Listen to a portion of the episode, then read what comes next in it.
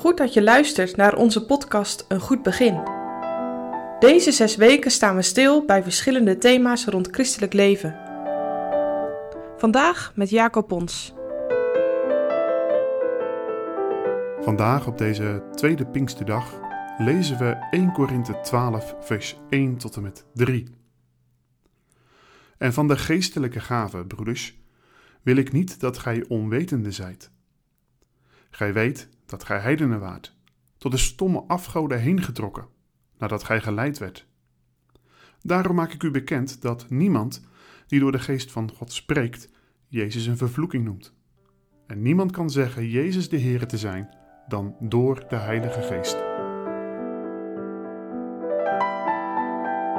Pinksteren. Wat is dat?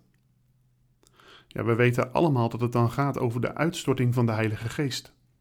Maar kun jij het uitleggen aan een onkerkelijke buurjongen of buurmeisje? Aan een klas- of studiegenoot?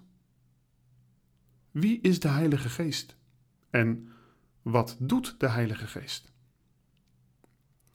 Allemaal vragen die best lastig te beantwoorden zijn. Vertellen wie de Heer Jezus is, ja, dat, dat lukt meestal wel. En wie God de Vader is, daar kunnen we ons wel iets bij voorstellen. In deze week wil ik nadenken over de Heilige Geest en zijn werk.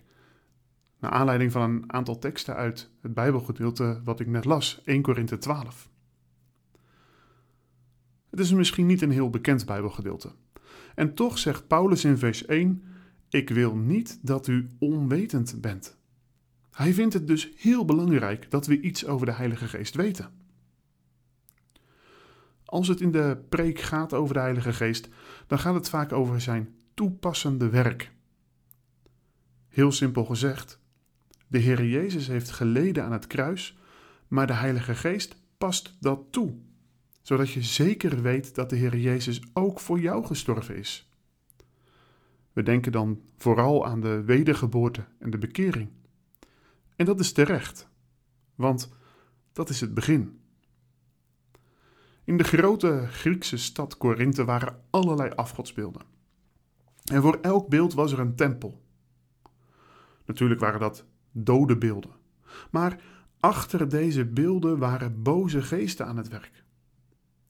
Als mensen gingen bidden tot deze afgodsbeelden, raakten ze soms helemaal in trance. Ze vielen op de grond en ze maakten ongecontroleerde bewegingen. Maar, en dat is eigenlijk wel opvallend, in het christendom gebeurde dat ook. Mensen raakten soms in trance.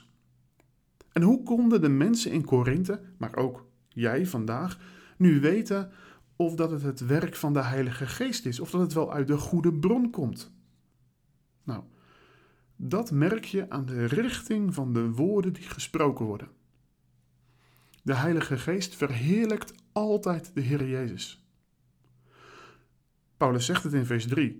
Alleen door de Heilige Geest kun je zeggen dat Jezus de Heer is. Jezus is Heere. Dat is een beleidenis van de oude christelijke kerk. Die beleidenis brachten de apostelen vanaf het moment dat ze gingen preken in Jeruzalem, in Judea, in Samaria en zelfs tot in de straten van Rome waar Paulus gevangen zat. Daar getuigde hij van de Heer Jezus met grote vrijmoedigheid en handelingen sluit af met onverhinderd.